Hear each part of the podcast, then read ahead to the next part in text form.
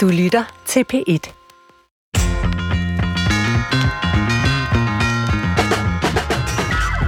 Velkommen til Brinkmanns Brix. Vi bliver nok noget selvcentreret i dagens program, og det vil vi gerne undskylde for på forhånd. Vi har inviteret en gæst, som har samme forkærlighed for at drille Danmarks Radio indefra, lidt som os selv. Er det ikke rigtigt, Christoffer Heidehøjer? Det er nok især dig af os to, der har den her forkærlighed for at drille organisationen. Ja, jamen det er jo noget, man får over tid. Jo Ja. tid man er i det, jeg håber jeg jo mere, man også kan se ironien, der opstår op, op og ned ad væggen en gang imellem. Men jeg var til et stormøde, som man er til en gang imellem i sin afdeling. Et sted, hvor chefer kan, kan hylde, hvordan øh, også medarbejdere lever op til deres strategier. Det lyder da meget godt. Ja, og, og, og så er det bare ofte et møde, hvor man går derfra, og måske er egentlig er lidt mere forvirret. Øh, og man føler måske ikke sådan altid lige, man forstår, hvad det var, vi skulle, skulle der. Men øh, for nylig var vi til det, og der kom en ind og fortalte om øh, nogle af de ting, som det er mindre god til. Og så spærrede jeg øjnene op og begyndte at lytte efter, fordi jeg tænkte, det var da interessant det her. Hvad er det, det jeg ikke altid lige er så god til? Mm-hmm.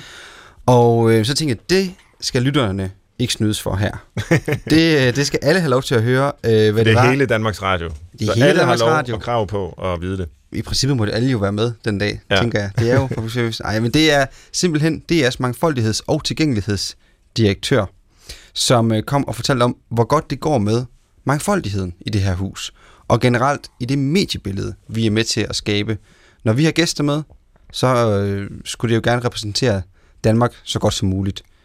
Eller hvad, Svend? Fordi jeg kunne godt lige tænke mig at høre dig. Hvor er du på hele mangfoldighedsbølgen? Er du øh, jo mere mangfoldighed, jo bedre, eller er du ved at have fået nok i din kop?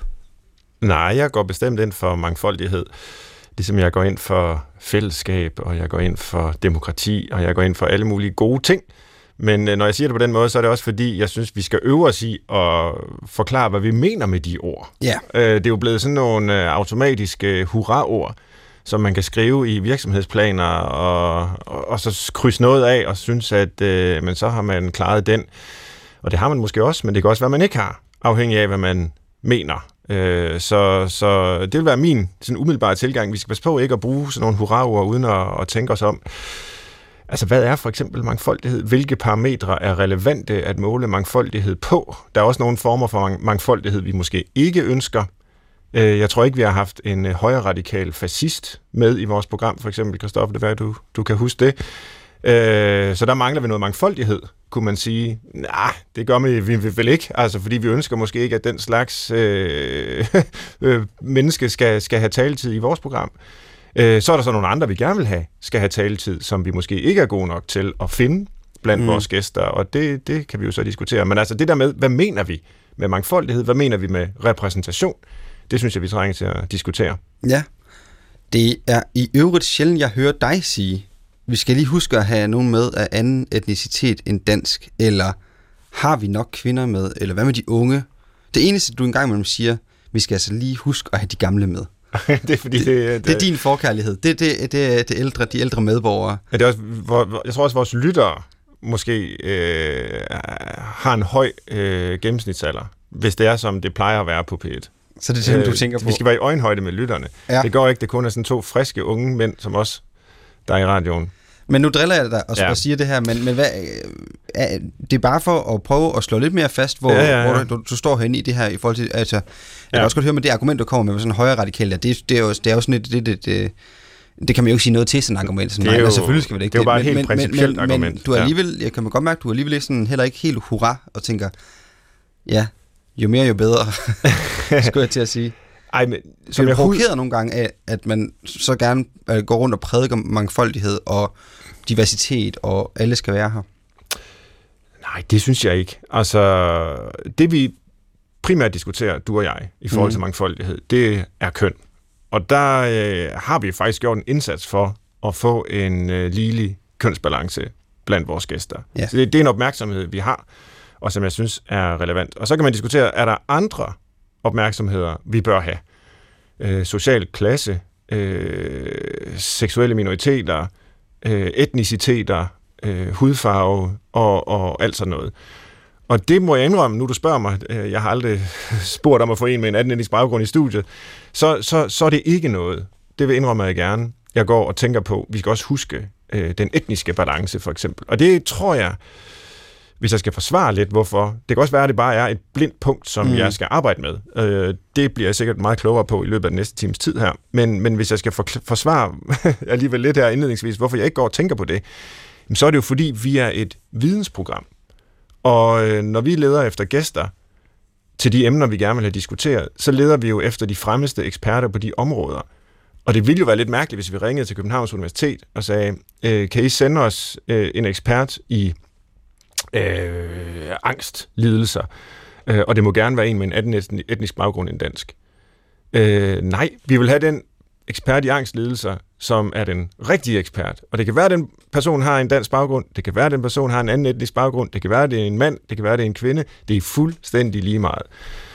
Øhm, så det, det, det er jo ligesom, men jeg ved godt, det er det klassiske argument, man altid ja. kan komme med, vi går efter det savlige, og så er der bare nogle øh, indbyggede øh, udgrænsningsmekanismer og alt muligt i det. Men, men, men det er jo derfor, vi ikke går og tænker på det. Det er jo mm. fordi, vi vil have den, øh, den person, der ved noget om emnet, og ikke en person med en bestemt hudfarve. Altså, det ville jo være mærkeligt. Det. Det vil være mærkeligt at spørge om, men, ja. men, men jeg, jeg, jeg, jeg føler, der og, og det, det, det spændende er, at vi har det kan jeg jo så afsløre nu, vi har fået lavet en lille mini-analyse af vores eget program, som vi så skal have med senere, og vi skal have en lille, lille tur i Manation, om og hvordan det egentlig går. Jeg vil godt lige høre dig, inden vi præsenterer gæsten, Svend, ja. øhm, i forhold til psykologien. Fordi det er jo så det, jeg, som journalist, nu kommer spørgsmålet, virker det? Virker repræsentation? Virker det her at kunne have nogen at spejle sig i? Er det overhovedet noget, der giver mening at dyrke som medier? Fordi vi får det så tit, at medierne har en enorm magt på, hvad vi tænker, føler, mener om det ene og det andet. Mm. Men er det rigtigt, at hvis jeg som midtjyde aldrig havde set en midtjyde i øh, tv, eller hørt en midtjyde i radioen, ville føle mig øh, underrepræsenteret, ville føle mig, føle, at, at det jeg var, ikke var øh, kan man sige, godt nok, eller rigtigt, eller i hvert fald kunne komme i tvivl om det. Er der ja. noget om snakken? Ja, det, det er der, altså, og det peger jo flere veje. Altså, det er jo både dem, der er underrepræsenteret, som kan have svært ved at se sig selv i en eller anden ansvarsfuld, magtfuld rolle, hvis, hvis, hvis det, de ikke er blevet vist det som en mulighed. Men det er jo også majoritetskulturen, øh, som øh, ikke lærer, at alle mulige slags mennesker kan bestride alle mulige funktioner i det her samfund, øh, hvis ikke vi ser det. Altså, vi har sådan en helt primitiv tendens til at være positivt forudindtaget over for det, vi har set mange gange før. Der er noget i psykologien, der hedder the mere exposure effect. Altså alene det, at man bare bliver eksponeret for noget, gør, at man bedre kan lide det. okay. Det er derfor, reklamer virker.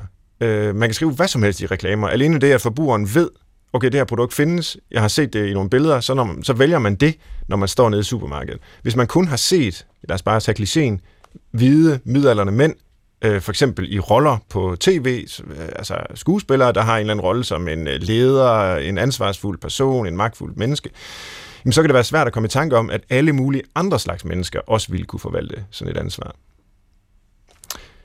Nå, velkommen til øh, dig, Heidi Sivbæk. Øh, vi har glædet os, Christoffer og jeg, til at, at møde dig.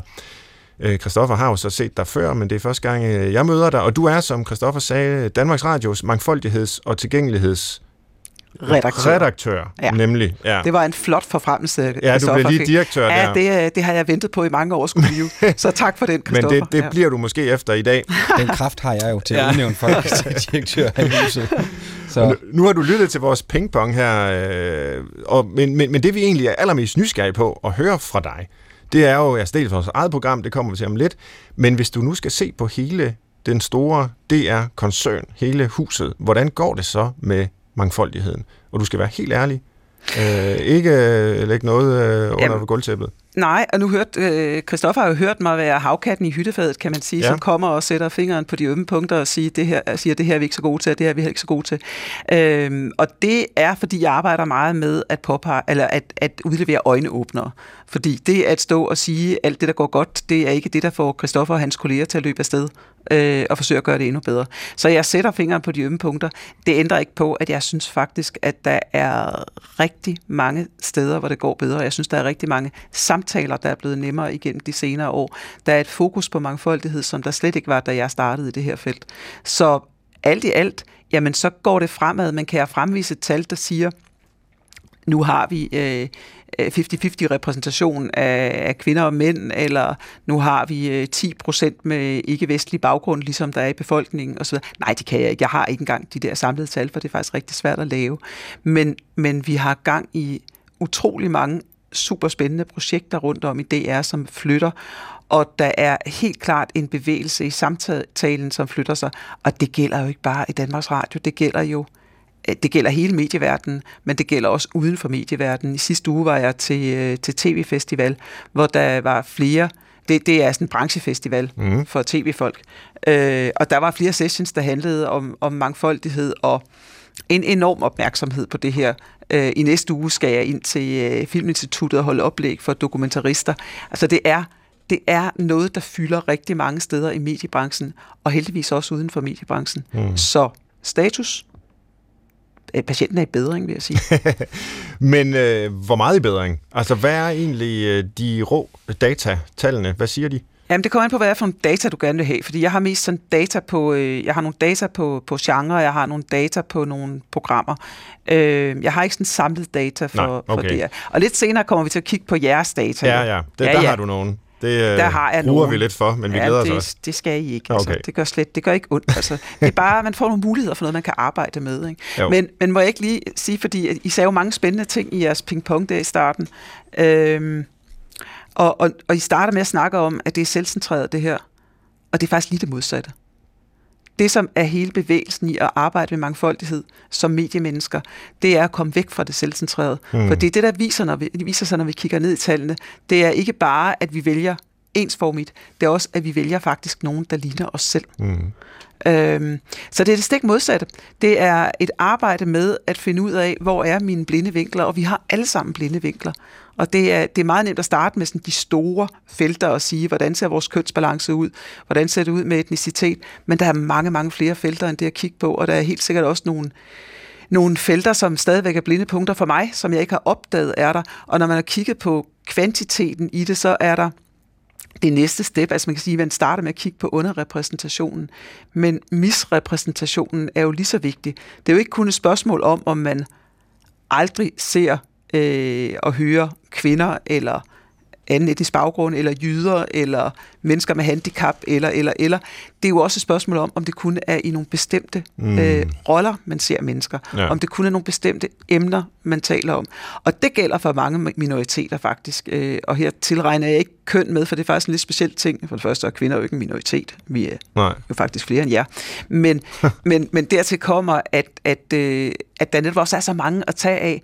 Men når vi taler om, om du sagde før, at du vil jo ikke have en forsker ind, som, som har en anden etnisk baggrund.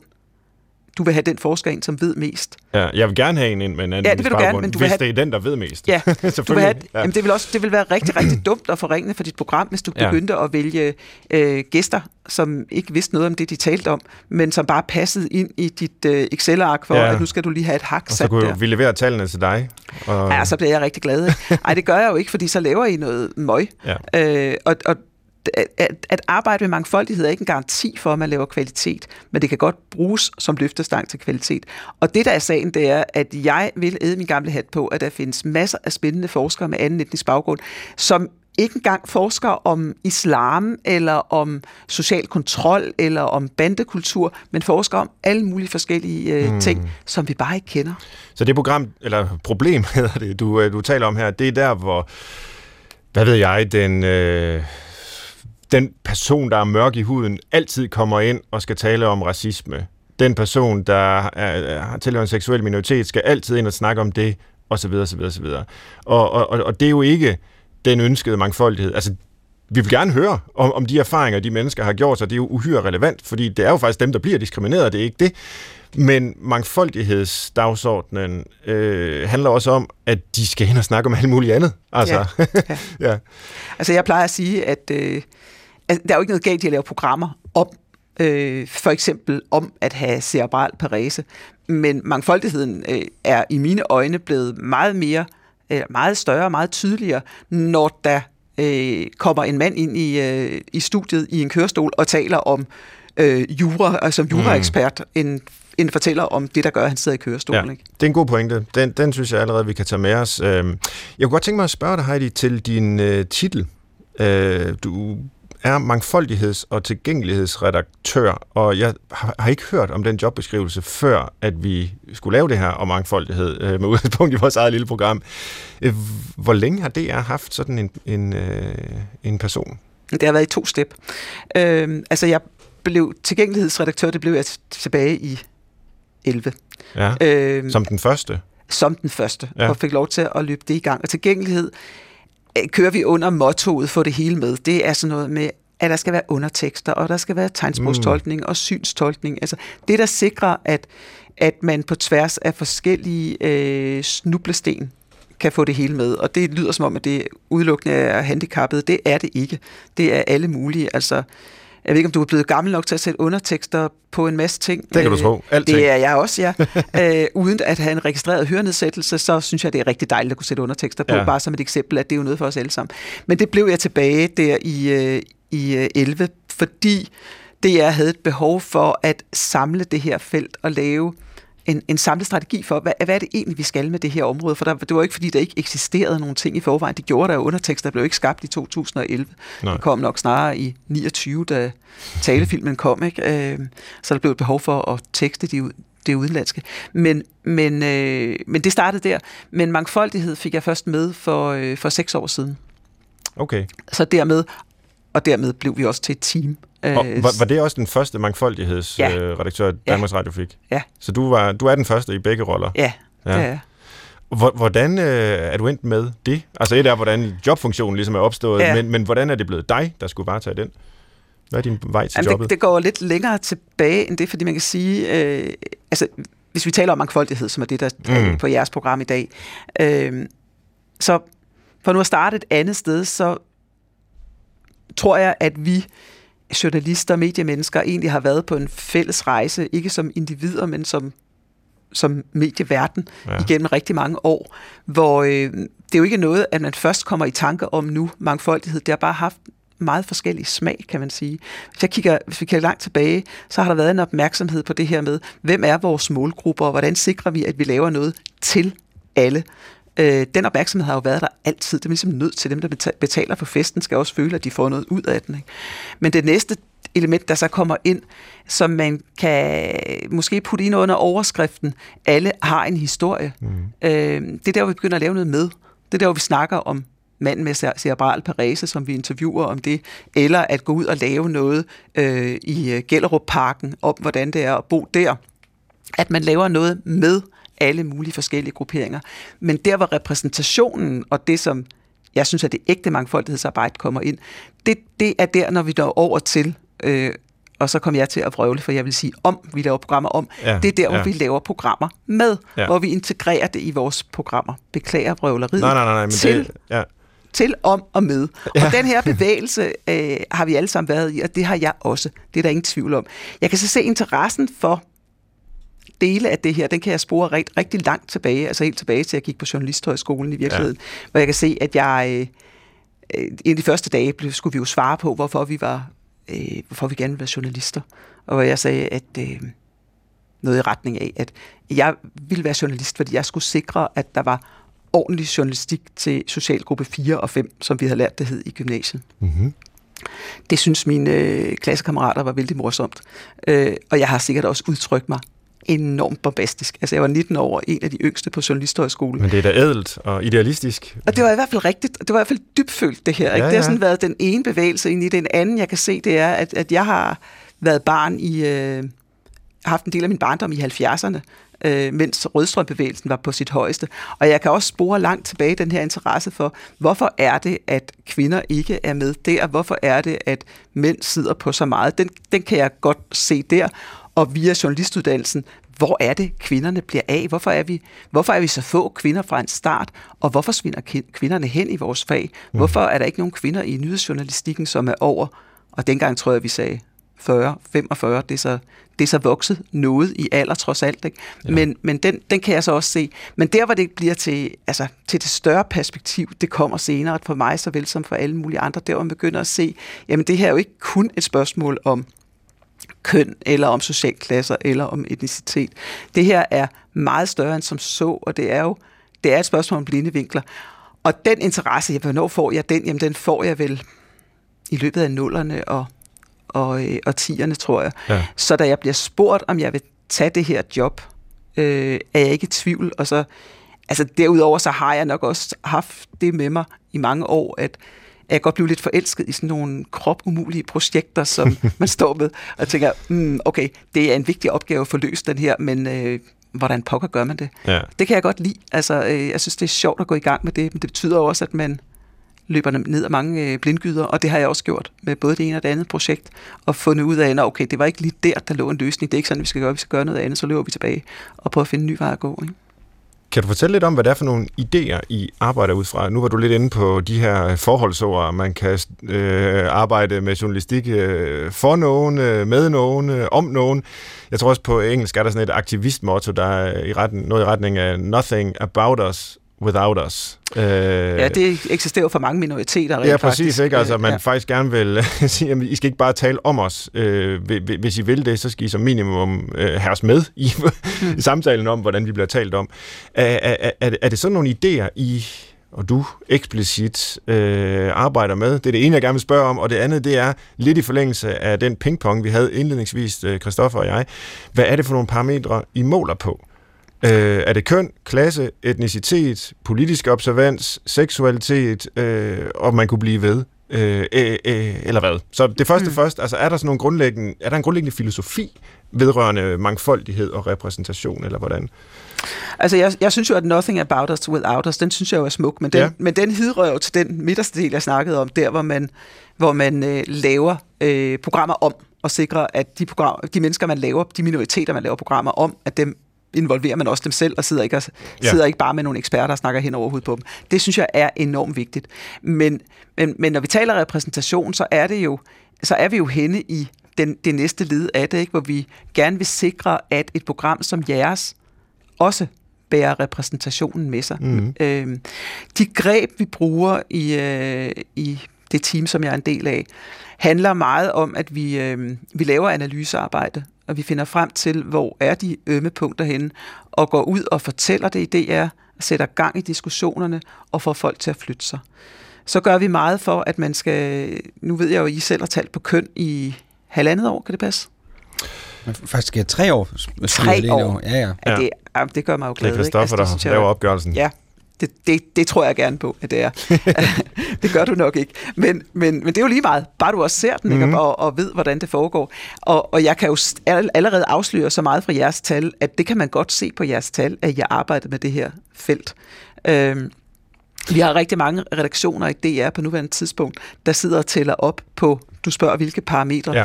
der tæller og det bestemmer redaktionerne selv, hvad er det, vi skal have fokus på. Vi går ind og guider og vejleder og siger, hvad nogle andre gør, men det er ikke os, der bestemmer det. Men altså køn, øh, etnicitet, geografi, geografisk ah, repræsentation ja, er, er enormt ja. vigtigt også. Ikke? Det må den være. Øh, social klasse. Øh, så er der nogen, der tæller på seksualitet. Det er ikke alle, der gør det. Det er faktisk også rigtig svært at tælle, vil jeg sige. Øh, og så ja. der tæller på handicap, som også er rigtig svært. Fordi mennesker med handicap vi går ikke ind, vi spørger ikke folk. Nej. Vi spørger ikke de gæster, vi har inde. Ja, vi beder ikke jer om at spørge alle jeres gæster. Nå, okay. Vi skal, hvilke diagnoser har du? Hvilke diagnoser har du med dig? Lige præcis, det gør vi jo ikke vel. Så det, vi ikke nu. Nej, og det gør vi heller ikke af den grund, at, at det her handler jo om, hvad vores øh, brugere kan se og høre. Ja. Så det er jo det, vi forholder os til primært. Det er, okay, hvordan er den oplevede repræsentation i vores programmer? Så ideelt set, så skal man ikke spørge nogen om noget. Man skal kunne registrere. Man registrerer ud fra det, man kan se. Så vil der være noget, der vil være ukendt. Ikke? Men de her, at det, det at registrere, det at tælle op selv, det i sig selv flytter jo det første stykke øh, af ens arbejde med repræsentation. Mm. Især på køn er det faktisk meget effektivt, alene den der optælling, fordi der er så mange at tage af, så hvis man kan se, at man kun har 25% kvinder med, så kan man også sige, okay, vi skal, vi, vi skal nok til at spørge nogle andre, og de er der, de andre. Når, når vi taler om øh, mange andre felter, så er vi nødt til at have nogle andre øh, redskaber i brug, så vi sætter mange projekter i gang med at skabe forandring. Øh, og et, et eksempel på det, altså hvis vi taler køn kombineret med erhverv og økonomi, så er vi over et felt, hvor, hvor vi ikke har nær så stort kendskab til en masse kvinder. Men selvfølgelig er det på vej. Og selvfølgelig findes de, fordi kvinder uddanner sig jo sådan set mere end mænd i dag, så selvfølgelig findes, det, findes de. Men hvis vi ikke går ud og opsøger det, så, så finder vi dem ikke. Og der er jeres søsterprogram her på, øh, på P1, øh, følg pengene. Ja. De, de, de har lavet et projekt, hvor de har været ude og øh, research sig frem til en masse guldkilder, ja. øh, som er kvinder, og som ved en hulens bunke om erhverv og økonomistof. Og dem har de så inviteret i DR-byen øh, på et tidspunkt til en aften, hvor, man, hvor de har fået talt med redaktionen, og man har lært hinanden at kende, og fået dyrket nogle nye- nye kilder op. Og de kilder kan man simpelthen følge rundt i systemet. Det er jo ikke kun følge pengene, der bruger dem. De bliver jo brugt Mm. alle andre steder i DR og uden for DR. Det er sådan et eksempel på et projekt. Et andet eksempel inden for et svært område, når vi taler om, om øh, etnicitet. Øh, og jeg taler jo ikke kun om faktaprogrammer, jeg taler også om fiktion. Jamen, så blev der, der kom en serie sidste år, jeg ved ikke, om I har set nogen af jer, der hedder Bad Bitch. Øhm, Nej. den foregår i et afrodansk miljø. Og det er godt nok sjældent, man ser noget, der foregår i et afrodansk miljø. Ja. Og de ville enormt gerne, det var vores øh, ungdomsafdeling, de ville enormt gerne lave noget øh, fiktion, som ikke røg ned i øh, alle mulige faldgrupper med stereotype fremstillinger og fik fortalt noget om et miljø, som ikke var rigtigt. Så de inviterede en masse unge med forskellige øh, anden etnisk baggrund end dansk med til en workshop og fik udviklet de første idéer der. Og så var der nogle af de her unge, som fik lov til at prøve at skrive øh, skitsen til et manuskript. Og det viste sig, at en af dem var simpelthen så talentfuld, så det endte faktisk med, at hun fik lov til at være hovedforfatter på mm. manuskriptet. Det var slet ikke tanken, da Ej, de hvor gik i gang. Tanken var, at, at nu fik de kontakt til alle de her unge, og så skulle en af deres erfarne manuskriptforfattere skrive det her manuskript, og så havde de jo stadigvæk kontakten at kunne spille bold med de unge her, og få at vide, ej, det der, sådan, sådan er det ikke, og nu ryger I bare ned i et hul. Men der var Diem Camille, hedder hun, øh, som både spillede hovedrollen og, og, og øh, blev ma- hovedmanuskriptforfatter. Så var det hende, der fik den erfarne øh, forfatter på som, som hjælper i stedet for omvendt. Øh, og det her, det er for mig at se, det er simpelthen et stjerneprojekt i, hvordan man kan gå ind og skabe noget, der er helt Nå. anderledes end det, man plejer Ja, at den skal, den skal jeg lige finde. Lyk, lykkes den med i dine øjne at gøre det, du var inde på før? Altså nemlig at sige, jamen det her, det handler ikke om at være afrodansk. Det er bare det miljø, det foregår i. Øh, det handler om alle mulige menneskelige øh, dimensioner og spørgsmål, eller hvad. Fordi jeg tænker på en af mine yndlings-tv-serier. Jeg mener, det er en af verdens bedste tv-serier. Øh, desværre er det ikke DR, der har lavet den. Den hedder Stiesel, og den handler om... Eller, ja, det handler den ikke om, men øh, den foregår i et ortodoxt jødisk miljø i Jerusalem. Men det, der gør den så super fed, blandt andet, det er, at den handler ikke om at være ortodox jøde. Det er bare det, de er. Øh, Den handler om alle mulige spørgsmål om familie og kærester og arv og ja, tusind milliarder ting. Men tilfældigvis, kan man sige, Foregår så foregår det der, og man får indblik i det miljø, selvom det ikke er temaet. Øh, er, det, er, det, er det det samme med den serie der? Det er det både og. Altså, okay. fordi Bad Bitch øh, foregår i det her afrodanske miljø, som er, fa- er meget fremmed for de fleste af os. Ja. Øh, så det er også en del af elementet, men det handler i den grad også om en ung kvindes øh, udvikling. Ja. Øh, en udviklingshistorie for en ung kvinde, og det er at det er super godt drama, og det fik fantastiske anmeldelser, og er hvad hedder det, indstillet til diverse priser på nuværende tidspunkt. Jeg bliver altså nødt til at bryde noget ind her, for jeg, jeg har bare en lille anke mod det. Jeg har set det, set programmet. Jeg bliver nødt til bare lige at, at, i hvert fald lige at, at komme med den øh, hage, at jeg synes jo, det var en... Nu så jeg så kun de første tre, fordi jeg faktisk fik lidt nok af det, men jeg synes, den dyrkede til gengæld så enormt meget, at man var en ung, mørk kvinde, som havde... Hun ser RuPaul's Drag Race, som er et køn, eller hvad hedder det, et, øh, ja, med drags, Reality. mens hun har sex med en mand, fordi hun er lidt ligeglad med ham, og der, den, den får på alle tangenter i min verden, i forhold til at være mangfoldig. Altså, og, og sådan her kan man også opføre, sådan her kan det også være, sådan her ser verden også ud. At det næsten blev lidt kedeligt i min verden, at hvis man hele tiden trykker så hårdt på knappen, så kan det også blive øh, øh, forudsigeligt. Og, og, og det er jo det er så min helt personlige, og der vil jeg gerne stå på mål for, øh, anke mod det program, men, men at det er måske også i, i det hele taget noget, man skal være lidt opmærksom på, at man øh, på den måde ja, bare går, går all in hele tiden. Øh, jeg ved ikke, hvad du, om du har noget at sige til det her. Ja, men et, et, altså for det første, man kan jo ikke diskutere, om man synes, det er godt eller skidt, vel? Det kan man jo ikke. Jeg, jeg synes, det var en fremragende serie. Mm. Men det er, jo, det er jo virkelig svært at diskutere, ikke, om man synes om en, en serie, eller man ikke synes om. Øh, jeg er enig med dig i, at den, den går all in på mange, men den går all in på en helt anden måde, end jeg ville have forventet. Jeg synes, den er meget, meget overraskende. Og så kan man så sige, altså jeg er 59, øh, jeg er jo bestemt ikke i målgruppen for den serie, så jeg har også lidt kigget på, hvad mine øh, voksne børn har sagt til den, øh, hvordan, hvordan reaktionen har været der. Ikke? Mm. Og, og øh, ja, den, den går jo all in på mange ting, Christoffer. Den går Det ikke kun all in på, øh, på en kultur. Jamen, jeg synes, den er værd at se, absolut. Jeg synes, ikke jeg synes virkelig, man, man skal, især hvis man er 59, skal man gå ind og se den. det kan man kun blive klogere af at se nogle ungdomsserier i min høje alder. Ja. Ja. Nå, øh, vi har brugt en halv time på øh, andre ting end Brinkmanns Brix. Ej, det var og, ubehageligt. Og det synes vi er, er rigeligt. Så, ja. nej, men, men Heidi uh, Sivbæk, du har jo simpelthen været så venlig at kigge på vores program, som vi også teasede for i begyndelsen. Og jeg har på skærmen, det kan lytterne selvfølgelig ikke se, øh, en PowerPoint-præsentation med første slide, hvor der er en mangfoldighedsanalyse af Brinkmanns Brix. Så nu lægger jeg simpelthen ordet over til dig, øh, Heidi, og du øh, må komme med din dom over vores program, hvorvidt vi er mangfoldige. Ja, og jeg, jeg bliver med åben mikrofon nu, fordi jeg, jeg kan godt indrømme, at det er jo meget, meget ofte mig, der inviterer gæsterne, mm. Svend, selvom at det jo selvfølgelig er dit program. Nej, det, Så er det... det- Det, er vores program. Så jeg, jeg, jeg har i hvert fald en del af af skylden, skulle jeg til at sige. Når Ja, du men- mener med hensyn til at, at sikre Ja, mangfoldighed blandt dem. Ja. Ja, men jeg vil godt starte med at sige, at der er jo ikke et program, der skal opfylde øh, alle mangfoldigheds øh, ambitioner i DR. Det skal det enkelte program ikke. Man skal jo se på, hvad det er for et program, I laver. Mm. I laver et program om psykologi og beslægt, beslægtede emner. Så for nu at starte der, så er det jo ikke så mærkeligt, at der optræder mange eksperter i jeres program. Øh, så det vil jeg ikke blive så bekymret over, men lad os, lad os kigge på det. Jeg har talt, jeg har talt kønsfordeling i tre år, og øh, I er landet på nu, det vi har talt op, det er de programmer, der er blevet sendt i år, hvor vi dog ikke har taget de programmer med, som øh, er ananas i egen juice, hvor I kun snakker med hinanden mm. i to. Dem har vi trukket ud. Der har ikke været, ikke været nogen gæst. Vi har taget der, hvor der var gæster. Øh, og ligesom det ikke er dig, der tæller, Svend, så er det heller ikke mig, der har talt. Det er min dygtige praktikant, der har talt det her. Øh, hun har talt Det har 41 vi folk til. det har vi folk til. Vi kan ikke tælle som, som os. Men hun har talt 41 gæster. Øh, lige godt halvdelen af dem mænd, lige under halvdelen af dem kvinder. Ja. Det kan man ikke sætte en finger på. Det er, Der står 47,5 og 52,5 Ja. procent. og jeg vil sige, hvis vi tæller de tre år, for det er så kun mig, der har de tal selv personligt, men der er det faktisk flere kvinder, end, end da, øh, nu har jeg sagt i procenter, men en 8-10 stykker, tror jeg faktisk, mere.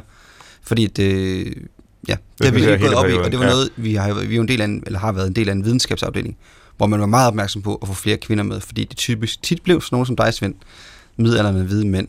Og det var ikke engang en kliché, det var bare sådan, det var. ja, det skal vi så se, så- om det stadigvæk er sådan. Altså lige bortset fra, at det er så blevet mænd og kvinder. Men lad os prøve at se. Fordi, fordi den næste, vi, vi skal kigge på, det handler om alder. Ah ja. Ja, og det er sådan, at, at I skal lige forholde jer til to slides øh, på en gang, fordi der er aldersfordelingen i Brinkmanns Brix, og så er der aldersfordelingen i Danmarks befolkning. Ja. Og aldersfordelingen i Danmarks befolkning, for bare lige at fremhæve et enkelt tal, så er der 20 procent, der er over 65 år gamle. Det er der ikke i Brinkmanns Brix. Selvom øh, I siger, at du, Svend, er meget opmærksom på, at I også skal have nogle gamle med, så er vi altså nede på 5,3 procent der. Det er ikke godt nok.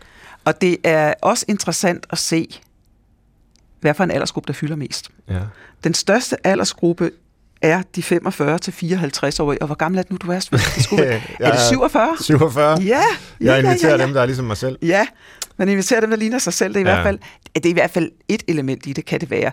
Der er jo andre ting i det. Man skal jo huske, at når I inviterer eksperter ind, så bliver det jo tit folk, som er erhvervsaktive og er på toppen af deres karriere. Og det er der jo også et aldersforløb i. Men jeg synes ikke bare for jeres øh, undersøgelse, men i det hele taget, det her aldersfænomen med øh, de gamle, der har jeg har lidt det samme som dig, Svend, at jeg synes, at vi skal huske, og det siger jeg ikke engang af hensyn til dem, der sidder og ser på det, vi skal simpelthen ikke gå glip af det talent, der ligger i mennesker, der har arbejdet med et felt i mange år, Nej. der har opbygget en enorm viden. Det er simpelthen så ærgerligt, øh, at de forsvinder ud af mediebilledet, for det gør de. Man forsvinder ja. ud af mediebilledet, når man øh, ryger over 60-65 år. Du skal være virkelig stor som øh, ekspert for stadigvæk at, øh, at holde dig inde. Ja. Hvad, hvad siger du til øh, de unge grupper der? Jeg kan sige til lytterne, der er 2,6 procent, det må være en person, som er under 24. Ja. Og så står der 13,2 procent mellem 24 og 34 år. Øh, det er jo ret få. Altså umiddelbart så vil jeg sige, fordi jeg er et program, der meget arbejder med ekspertviden, at så er det ikke så mærkeligt med den helt unge målers, må- øh, målgruppe. Altså, Nej, de kan jo næsten kun komme ind som øh, det, vi kalder erfaringseksperter, ikke? altså nogen, der har oplevet et case eller andet ja, en case. Og, Ja. og, og det er ikke sådan, I har bygget jeres program op. Det Nej. er sjældent, at det er en case eller en erfaringsperson, I har med. Det er meget kilder. Det ligger i konceptet. Altså, hvis I gerne vil have flere i den aldersgruppe, så skal I lave jeres koncept om. Så skal I jo simpelthen øh, lave et program, der bliver lidt anderledes, kan man sige. Ikke? Mm. Øh, det samme gælder til dels gruppen 25-34 år. Der er dog nogen, der når... Der rammer vi den der lige i røven, skulle jeg sige. 13,2 og 14 på lands på, ja. den, på den ægte. Det kan ikke være bedre. Nej, det kan ikke være bedre. Men der er stadigvæk ikke så mange eksperter, så det er ikke så mærkeligt, at der er nogle andre aldersgrupper, der rager højt op. Altså, mm. det er, men det, man også kan arbejde med, og det ved jeg faktisk på vidensredaktionen, som I er, I jo er en del af, eller den gamle vidensredaktion. Vi er ude nu, men ja. I er ude nu. Den gamle vidensredaktion i Aalborg mm. havde vi et samarbejde med for et par år siden, hvor øh, der blev talt meget om øh, det her med at gå ned fra professor, vældet, undskyld Svend, mm. øh, men at noget af det, der skaber nogle bestemte aldersgrupper, et bestemt køn osv., at det er jo også det, at det er professorerne, vi interviewer hele tiden. Mm. Hvis man begynder at kigge på det lag, der hedder øh, Ph.D.-stipendiater, som jo også sidder, de sidder jo med en eksakt viden om et, et snævrere felt, øh, så kan man faktisk både komme ned i alder, og man kan også øh, få blandet kønnene meget mere. Og det er faktisk også noget, det jeg tror, I har gjort i jeres program. For og det er en rigtig, rigtig god pointe. Altså som en, der øh, selv har været phd studerende og nu vejleder phd studerende så kan man sige, det er jo den, der laver det projekt, som ja. den phd studerende gør, som måske er den i verden, der ved allermest lige præcis om det. Altså så er det jo ofte meget snævert, som du også siger, Heidi. Men, men øh, det kan jo sagtens være relevant at høre fra den person, frem for at høre fra en øh, 50-årig øh, professor, som vejleder den, og sikkert vejleder syv andre også, og måske ikke lige ved noget, men er vant til at begå sig i medierne, og derfor kan sige et eller andet. Ikke? Øh, så det, det, det skal vi være gode til, altså det, det, de, de, de yngre forskere ind. Ja, det synes jeg faktisk. Det synes du, vi er. Ja. Nogenlunde vi er. Ja. Men det kan sikkert Jamen, det er godt. Det er så det er ja. den ene, ene ende, og emeritusser og emeritærer i den anden ende, yes. at, at være opmærksom på dem, for der ligger enormt meget viden. øh, og jeg ved det her med, med øh, Ph.D.-studerende, det ved jeg, at det gamle der viden også har haft, lige præcis har haft fokus på. Men det kan godt være nødvendigt at trykke universiteterne lidt på maven for at komme videre til dem, for der kan godt være en automatpilot, der siger, at vi henviser til Svend Brinkmann, når der er nogen, der ringer Ja, hertil. og så kan der være den, øh, det bliver måske sådan lidt universitetsinternt nu, men altså, hvor man siger også som vejleder, ah, du skal lige vente, det er ikke så godt, du går ud i medierne nu, du har ikke prøvet det før, og du har heller ikke mm. gennemført dit projekt helt endnu, det skal først fagfælde bedømmes, og du skal have din phd grad osv. Der synes jeg ikke, man behøver at være så forsigtig. Altså, hvis man bare øh, som øh, professor eller vejleder i det hele taget, har en samtale med den phd studerende klæder vedkommende på, og sige, at du skal selvfølgelig tage de forbehold, der er. Det her det er igangværende forskning, men meget tyder på, at og det er i det offentlighedens interesse at finde ud af, hvad det tyder på. Fordi nu er det lige det her, vi diskuterer alle sammen. Whatever det nu er. Ikke? Øh, der, der, der, der synes jeg, at vi skal være lidt, øh, lidt mere øh, generøse i virkeligheden i forhold til at få de øh, yngre folk bragt frem. Og det kender jeg jo ikke universitetsverdenen godt nok til, men det gør du. Øh, og det, du har jo så også bragt budskab ud her. Det synes jeg er ædelt at få de Ph.D.-studerende længere frem. Ja. Øh, jeg hopper videre til jeres yes. Øh, geografiske fordeling. Mm, Den ja. deler vi ind efter regioner i Danmark, øh, og vi har fem regioner i Danmark. Ja. ja jeg kan afsløre, at Svend får de her tal for første gang smækker op i hovedet nu, og der, der står bare Nej. 55 procent Region Hovedstaden. Det er virkelig voldsomt, og 30 procent ja. Region Midtjylland. Og så trykker vi en gang til. Hvad står der så, Heidi? Altså, hvis vi trykker en gang til, hvordan, ja, hvordan, det, hvordan det rent faktisk ser ud i Danmark. Ja. Okay, øh, jamen, jamen det har vi overhovedet nogen med fra Nordjylland før? Nej, det har, nej, I har nemlig ikke nogen Det var helt grotesk. Ja, det er, det er, det er ret sjovt, ikke? Fordi der står bare du 0, selv, der er ikke engang med. Den måde, vi registrerer, hvor folk kommer fra, altså hvis du er med som case eller erfaringsperson, så registrerer vi ud fra, hvor du bor. Hvis du er med som som ekspert repræsenterer en organisation eller for eksempel et universitet, så vil vi typisk registrere ud fra den organisation eller virksomhed, du repræsenterer. Ja. Du er sådan en gråzone, fordi i nogle tilfælde, som forfatter vil jeg sige, så vil jeg nok registrere dig ud fra, at du bor i Randers, øh, og som hvis du repræsenterer Aalborg Universitet, jamen, så vil det være Aalborg. Ikke? Ja. Men, men det korte og lange er, at I har ikke nogen med fra Nordjylland overhovedet, og det er lidt spøjst, når det er det universitet, du selv arbejder på. det er da alt for galt. det er altså, men, men, men det har vi da, altså jeg kan da komme i tanke om alle mulige fra Aalborg Universitet, vi har haft med Det er kun det sidste år. Men, men det her det er så det sidste år, og der ja. har vi åbenbart ikke.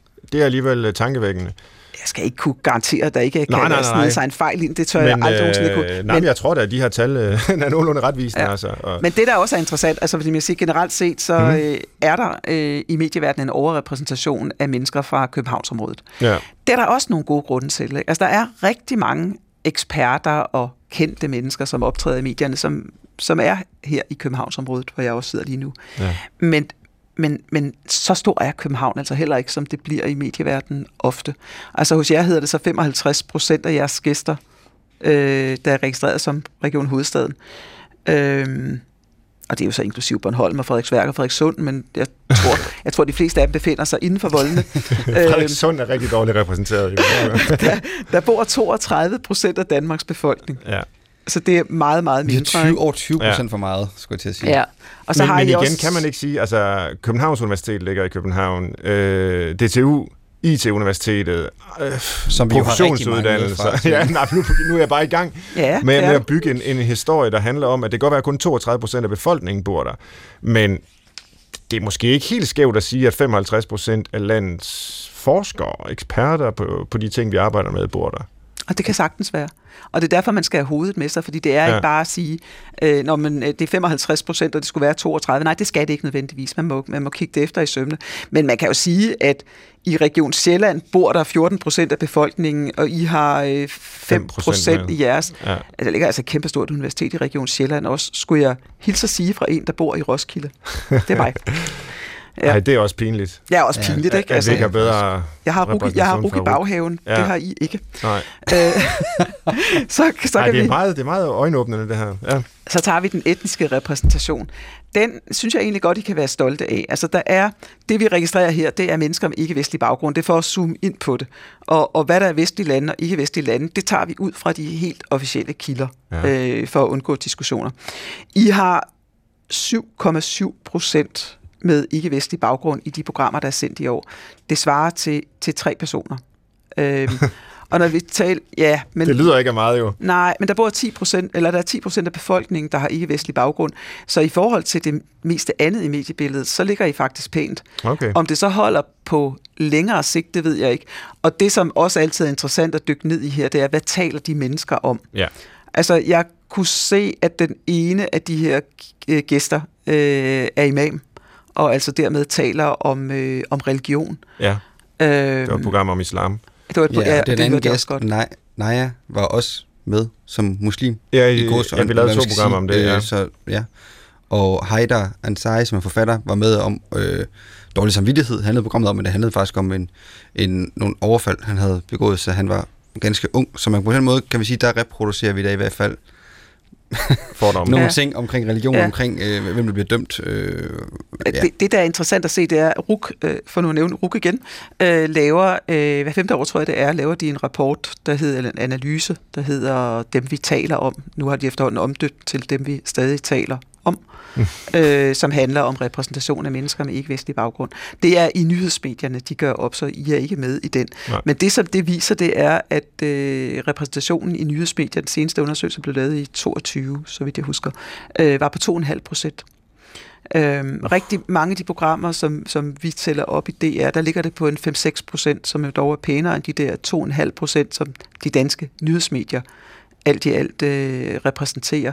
Og I ligger, I ligger på den pæne side her, men det næste er jo, som også er en del af RUKs øh, analyse, det er, hvad er det, de mennesker taler om. Og det er rigtig meget. Det er bandekultur, det er social kontrol, det er religion, det er, det er, de emne, det, er det emnefelt, der er. Og det er det så også lidt i jeres program inden for samme ja, felt. Ikke? det må vi medgive. Mm.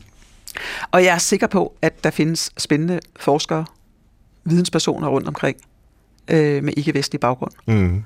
Der er en, vi har pillet ud af det her, øh, og det handler om, at det er et radioprogram. Øh, Vincent Hendricks, hvis det var tv, så tror jeg faktisk, han ville rø- være røget med ind. Øh, fordi vi registrerer jo ikke ud fra, vi spørger jo ikke folk. Hvis jeg spørger Vincent Hendricks, som han har vestlig baggrund, så vil man sige, ja, det har jeg. Øh, men, men vi registrerer ud fra, hvad man kan se, når det er tv, og ud fra, hvad man kan høre, når det er radio. Så på radio, der er det så øh, navne, der klinger på en, en speciel måde. Det er også, eller klinger alle ikke-vestlig baggrund. Øh, det er noget af det samme, Danmarks Statistik arbejder med. Og så, er det, så kan det være eventuelt en accent, der, der ligger. Ja, okay. Øh, der er jo ikke noget af det, som Vincent Hendricks øh, bonger ud på, og han er med i han er, han er fast gæst. Han er en, mindst en gang om året. Jamen, det er jo det. Han, han tæller med der. Og, han er, og, og på trods af, at han er endda lidt ældre end dig, men han holder sig ja. for aldersgruppen, tror jeg. Ja. Jeg tror, han holder sig inden for mange parametre. Men det er alligevel ja. lidt, altså nu bliver jeg selvfølgelig en anelse detaljeret, men hvorfor vil han tælle her som ikke-vestlig? Altså alene fordi hans ene forælder øh, er sort? Øh, det, det, det er da lidt mærkeligt. Altså, hvad, hvad hvis der er mennesker inde, som er adopteret fra andre steder i verden, det kunne også godt men er vokset op i Danmark? Ja. Det vil også blive registreret. Ja, men det, og det har vi, vi har også gjort det på mange forskellige måder, men for det første kan man sige, at vi går ikke videre og undersøger, vi spørger ikke folk. Nej. Vi siger, hvad er det, vores seere ser? Og jeg plejer at tage billedet frem med det barn, der vokser op og selv øh, har en mørkere hud end de andre i klassen hvad, er det, hvad, hvad, hvad kan det her barn se mm. øh, i de danske medier? Og derfor, og det er bestemt en gråzone ting at sige, hvor skulle han ryge hen? Men ja. han er jo et billede på, og også for det adopterede barn, er det jo et billede på, jamen sådan kan man også godt se ud i medierne. Det her, den, den, den, øh, det udseende, som er mit, hører også med i mediebilledet. Så derfor ville han ryge ind. Men enig i, at det er en, en klar, klar gråzone. Men set ud fra det her med identitet, øh, for dem, der sidder og kigger på det eller hører på det, så vil han ryge ind der, men han vil ikke ryge ind i radio, for der er Nej, ikke nej. en kvart accent at hente, og der er heller ikke noget at hente på hans navn. Han har sin helt egen måde at tale på, Vincent, som vi er glade for. Og han skulle have sin helt egen kategori. Ja, og men, derfor skal han med igen og igen. Jo, Havde vi været øh, et amerikansk radioprogram, så havde du jo kategoriseret ham som øh, sort, givetvis, ikke? Jo. Øh, og så havde det været en racial øh, betegnelse, og, og, og det opererer I så ikke med, men I kalder det etnicitet. Hvordan kan det egentlig være? Ja, men du har været ned, som jeg sagde, vi har været nede af mange blindgyder Ja. ja. for at løbe tilbage igen. Ikke? Altså, og det her, det er noget af det, vi har kæmpet med og kæmper med stadigvæk. Hvordan, hvordan, hvordan gør vi det her på en sober og ordentlig og logisk måde? Og det er bare ikke spor nemt, hvad det er. Så vi har også været rundt om at registrere hvid, ikke hvid Mm. øh, tidligere, men er gået over til at sige, at vi prøver at forholde os til vestlig, ikke vestlig. Også fordi vi kan få nogle officielle tal. Det kan vi ikke på det andet. Jeg kan ikke gå i Danmarks statistik og, og se, hvor mange mennesker bor der i Danmark, som er ikke hvide. Jeg kan gå i Danmarks statistik og se, hvor mange bor der i Danmark, som har, øh, som er kommet fra et ikke-vestligt land, eller efterkommer af nogen, der er kommet fra et ikke-vestligt land. Det kan jeg slå op i Danmarks statistik. Okay. Ja. Det lyder bare lidt barokt, at Vincent Hendricks tæller som ikke-vestlig i statistikken. Ja, i, Men, På øh, tv. På På tv kun. på TV, Jo, jo, men- jo, men, ja. men stadigvæk. Altså, Erkendt, fordi det, det, jo, det er jo, passer jo ikke. Nej, det gør det, nej, det gør det ikke. Det er, han er ikke, det har i den grad Men- vestlig baggrund. Men det er, det er ud fra grund, grundprincipperne. Ja. Det kan godt være, at vi vil trække ham ud alligevel, Svend. Det skal jeg ikke kunne Okay, sige, om okay. vi måske ville gøre. Men ud fra grundprincipperne, der hedder, at vi forholder os til det, vi kan høre i radioen, vi forholder os til det, vi kan se på tv. Yes. Ud fra det, så hvis man så ikke vidste overhovedet, aldrig havde hørt om Vincent Hendricks før, ja, så ville han ryge ind i den kategori. Ikke? Nok om ham. Han, Ja. er, han, er, han er nok med. Han kan svare næste gang. Han Ja, han kan komme næste gang. Ja, Vi fortæller ham, hvilken kategori han er puttet i. ja. Uh, what about me? ja, apropos, ja. som ja. man siger. Ja, nå, nej, vi, vi springer videre til socialklasser. Øh, og det er jo et meget interessant slide, vi har her, fordi øh, vi har et slide her, der kun har én socialklasse på. det er vores program. Der er kun folk fra højere middelklasse. Det er der nemlig. 100 procent. Det er 100 procent, ja. Og så kan man sige, jamen, hvordan registrerer man de her socialklasser? Igen, det er jo ikke noget, vi spørger jo ikke folk, hvad for en socialklasse føler du tilhører. Nej. Øh, vi tager, øh, det er faktisk Arbejdervægelsens Erhvervsråd, der har ar- udarbejdet sådan, de mest øh, håndterbare måder at arbejde med det her på. Øh, og så sammen med vores øh, medieforskere eller medieanalysefolk har snakket om, øh, hvordan kan man håndtere det her. Og det, der, det som øh, vores medieforskere siger, det er, at størstedelen af det kan man, kan man registrere ud fra indtægtsniveau. Det kan man gøre en stor del af det. Men den næste del af det, eller en anden del af det, det er uddannelsesniveau. Og det er uddannelsesniveauet, der gør det her. Ikke? Og så har vi også sådan en lidt løsere i konturerne ting, som vi kalder kulturel kapital. Mm. Så der kan godt være nogle kendte mennesker. Altså Adam Prise nu, for at tage et eksempel. Adam Prise, han har strengt taget ikke nogen uddannelse. Så hvis vi skulle registrere ham kun ud for uddannelsesniveau, så vil han ryge ret langt ned af rangstigen. Ja. Til gengæld er jeg sikker på, at han øh, i sin indtjening ikke ligger det sted. Ja. Øh, og den ken- kendtisfaktor, der følger med ham, ligger jo også et helt andet sted. Altså det, som vi så ja, kalder med et skævt smil, kulturel kapital. Ikke? Jo, jo, jo. Men Det er hos jo, øh, jer, Men det lyder som om, at man, hvis man bare, bare man er med i Brinkmanns Brix, det er nærmest kvalitetsstempel i sig selv nu. det er Nu, så meget, bliver du meget... højere Så får man middelklasse. kulturel kapital. så Ja, det er, du, ja, øh, men det er jo... Ja, det, Men nu, nu siger jeg bare lige, og det skal jo heller ikke være alt for konkret, men vi har nævnt Haidar Ansari tidligere i snakken her, som var med, og han har siddet i fængsel. Han har en 18 etnisk baggrund, en dansk. Han har en kæmpe gæld, det har han været offentlig omkring, det har han fortalt om. Øh, blandt andet fordi han har siddet i fængsel. Øh, han kan da umuligt til Nej, så, øh, så er jeg i tvivl om, vi har en fejlregistrering. Okay. Og det tør jeg ikke garantere, Nej, for det er okay, godt nok okay. gået stærkt det her. Ja. Det kan være.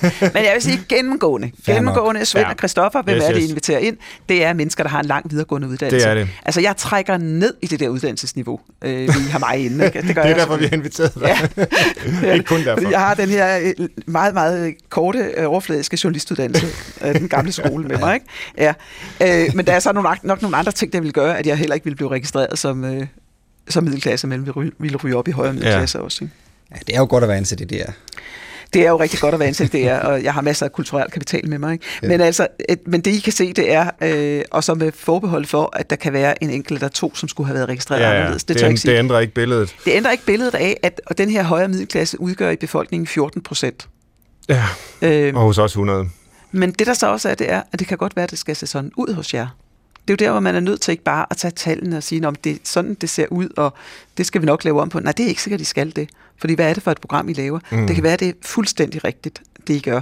For det næste, I kan se, det er kildens funktion, hvor I kan se, at øh, langt, langt de fleste gæster, I har inde, det er, øh, det er eksperter. Øh, Ja. og jeg bad til lige øh, praktikanten om også, også at kigge på, hvor mange af de her øh, kilder, der, er, øh, der har en akademisk uddannelse. Ja, Og det har næsten alle. ja. Ja. Jeg kan sige til lytterne, at næsten 80% af vores kilder, øh, vores gæster, fremgår her som eksperter. Og jeg kan ikke se præcis, men vel omkring 5% er case-personer. Øh, og så er der nogen, der tæller som parts. Som ofte også vil være brugt som ekspert. Indlæg, en, eller- en art ekspert. Ja, ja, Jeg tror, I har en enkelt politiker inde, eller sådan ja, noget. det kan være sådan noget. Ja. Ja. To måske. Men, men, men det var altså, det. Men man Gør kan, det ondt, ja, Svend? Jeg vil bare lige høre. Om det gør ondt? Ja, det gjorde det ondt at få reddet øh, vores øh, mangfoldighedsplaster af. Øh, jeg synes virkelig, det er øjenåbnende altså, og, og super spændende, at du har, har lavet, eller jeg har fået praktikanten Heidi til at lave det her arbejde og, og præsentere det for os. Altså, det er jo meget, meget nyttigt, og forhåbentlig også for lytterne i forhold til overhovedet at diskutere, hvad man kan mene med mangfoldighed, og altså, er det et... Øh, altså, hvilke former for mangfoldighed er efterstræbelsesværdige? Det må afhænge af, som du også har været inde på, Heidi, hvad det er for et program, vi har. Og hvis du ligesom skal konkludere på alle de data, du har præsenteret for os her, hvad vil du så mene er det, vi skal, skal arbejde videre med herfra? Mm. Altså, øh, jeg plejer at sige, at man skal arbejde med én ting ad gangen. Og nu mm. har jeg arbejdet med køn. Nu håber jeg, at det sidder på, på, øh, på øh, rygmagen. Ja. Så, så det fortsætter det arbejde. Så er I klar til et nyt felt.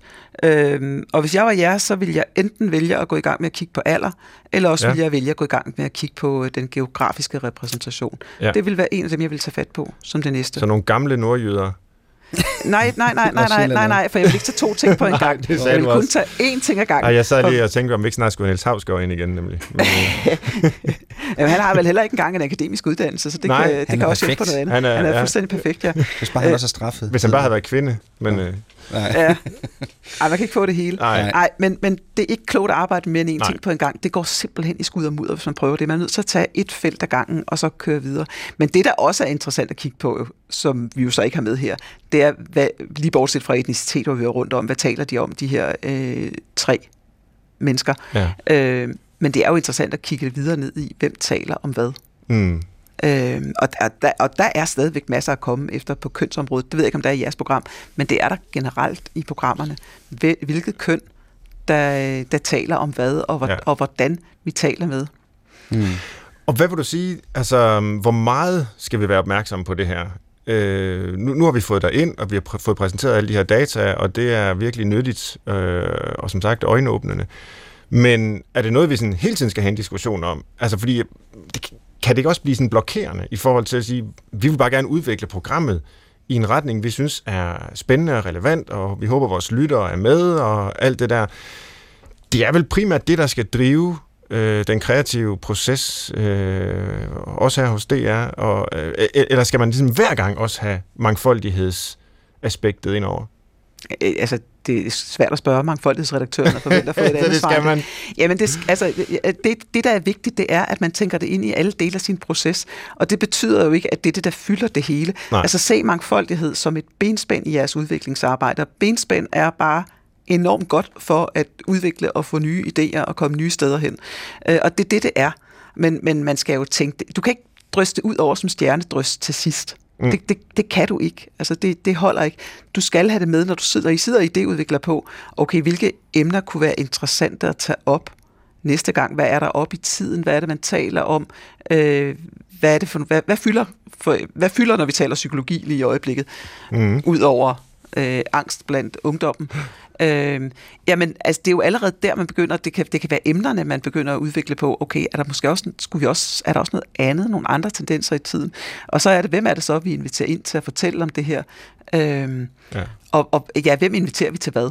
Det gælder hele vejen igennem, og hvis I havde en, en redigeringsproces, det har I jo ikke rigtig i jeres program, fordi det er jo meget, altså det kører jo meget det bare. i et take.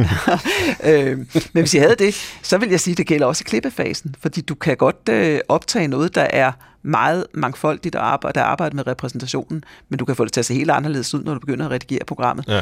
Og endelig så er det sådan, hvis I har noget så dyrebart som efterkritik, Ja. Det, det, det, det er mangelfuldt. Det vil jeg nærmest sige, at sparet væk i det her. Men det kommer der i ny og næ. Vi får det Ej. lidt fra lytterne. Ja. Nej, men det er, også, det er jo også meget godt, så kan ja. I også I kan spørge dem tilbage. Jo. Ja. Altså, eller bede dem om at forholde sig til det her. Men det gælder bare hele vejen igennem processen, at ja. man forholder sig til de her, og forholder sig begavet til det, fordi det er ikke one size fits them all. Sådan, Nej. sådan er det ikke. Men du tager noter, Ja.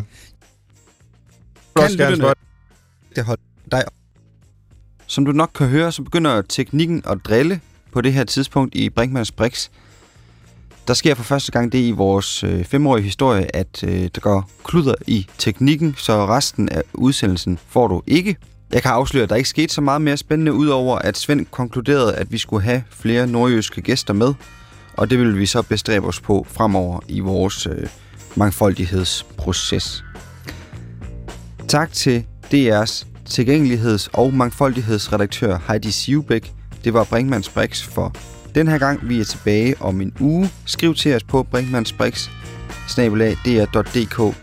Og selvfølgelig især hvis du er en lavt lønnet forsker fra Region Sjælland, eller Sønderjylland, eller Nørreland, så hører vi meget gerne fra dig.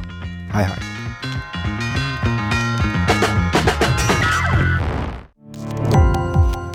Gå på opdagelse i alle DR's podcast og radioprogrammer. I appen DR Lyd.